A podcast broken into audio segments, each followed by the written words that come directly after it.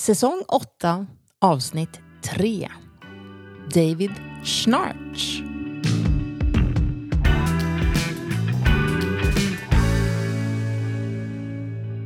Och egentligen var det ju ren tur att vi sprang på honom så här tidigt som vi gjorde.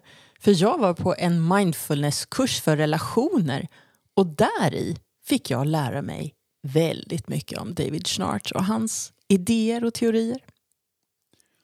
David är ju en av mina favoriter som tyvärr gick bort för några år sedan. Ja, han var knappt 65 år tror jag. Mm. Eh, vilket var väldigt synd. Vi hade hoppats gå på någon eh, utbildning med honom.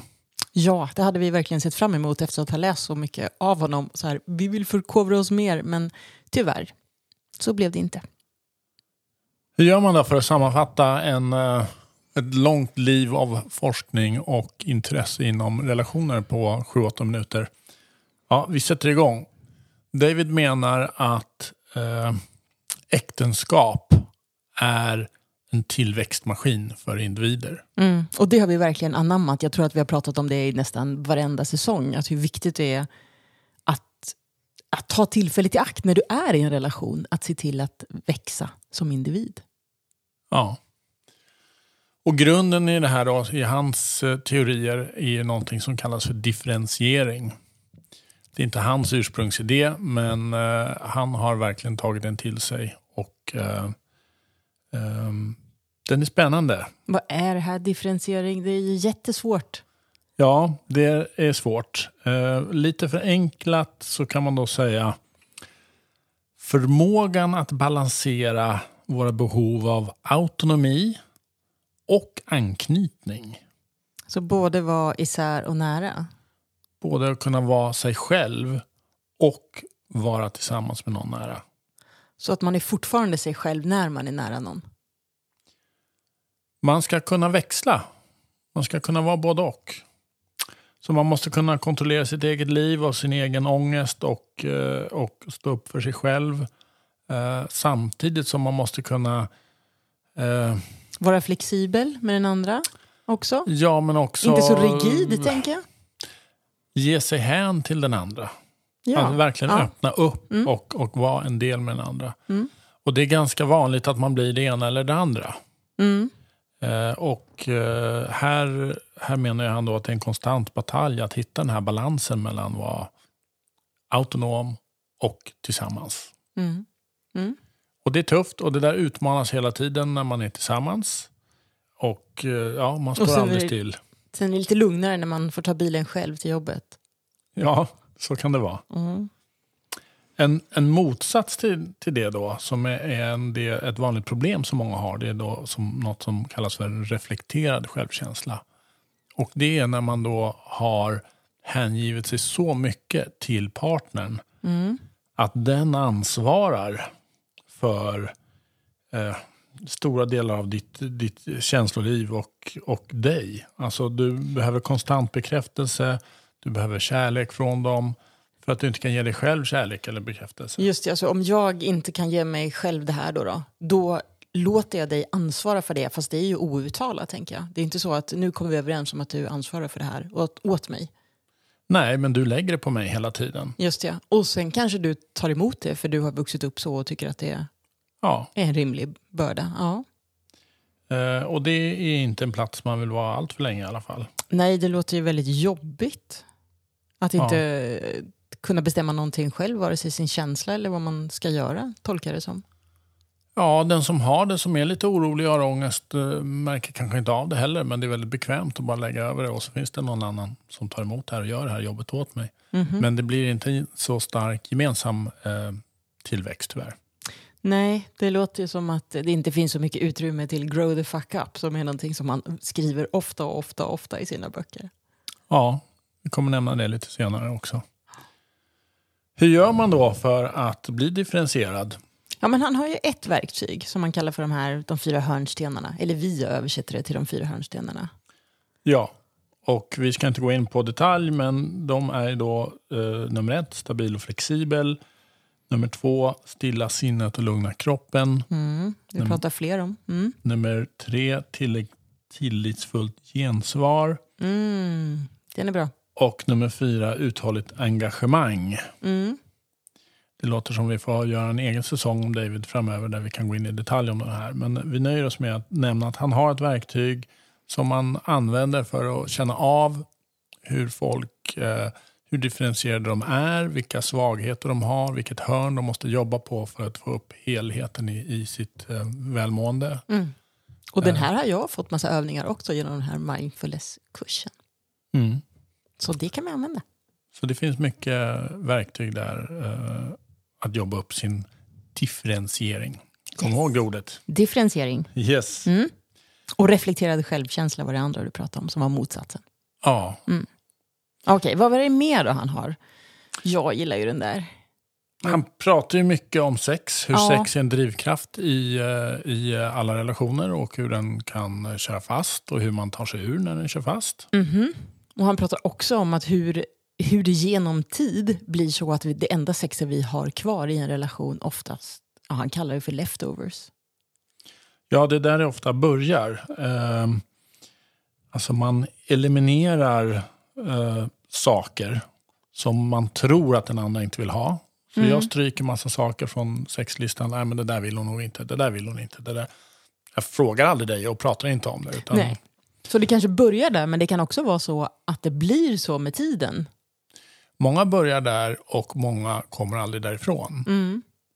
För att de inte pratar eh, varken med sig själva eller med sin partner om vilket sex de vill ha. Just det. Och vi har ju pratat en hel del om, om att expandera din sexbuffé. Alltså lyft upp det här. Ta reda på saker som eh, du kanske är nyfiken på och som du har förkastat för du har bara hittat på att din partner inte är intresserad av det. Ja, och kanske innan man ens fördömer någonting eller tänk, har en tanke kring det, se om ni kan skapa ett så jäkla stort buffébord av sex aktiviteter, saker som hör till sex, som möjligt. Ja, Alltså vräk på. Vräk på. Kan ni finna 278 grejer liksom? Perfekt. Sen kan ni börja plocka bort. ja, och kanske så om man har varit tillsammans länge att man, man till och med provar saker som man är lite tveksam till och så, ah, men nu har jag provat det där. Nej, det där stryker vi från listan nu, men jag, jag gav det en chans. Mm, mm. Det var det värt. Jag gav min partner den möjligheten. För, Eller för, mig själv. eller mig själv. Så det är um, spännande. Prata om sex helt enkelt. Mm. Men eh, han tar inte slut med idéer. Han har en annan, ett annat koncept som vi eh, också gillar mycket. Där han pratar om low desire partners och high desire partners. Mm. Och det här menar han ju, det här är i hela livet.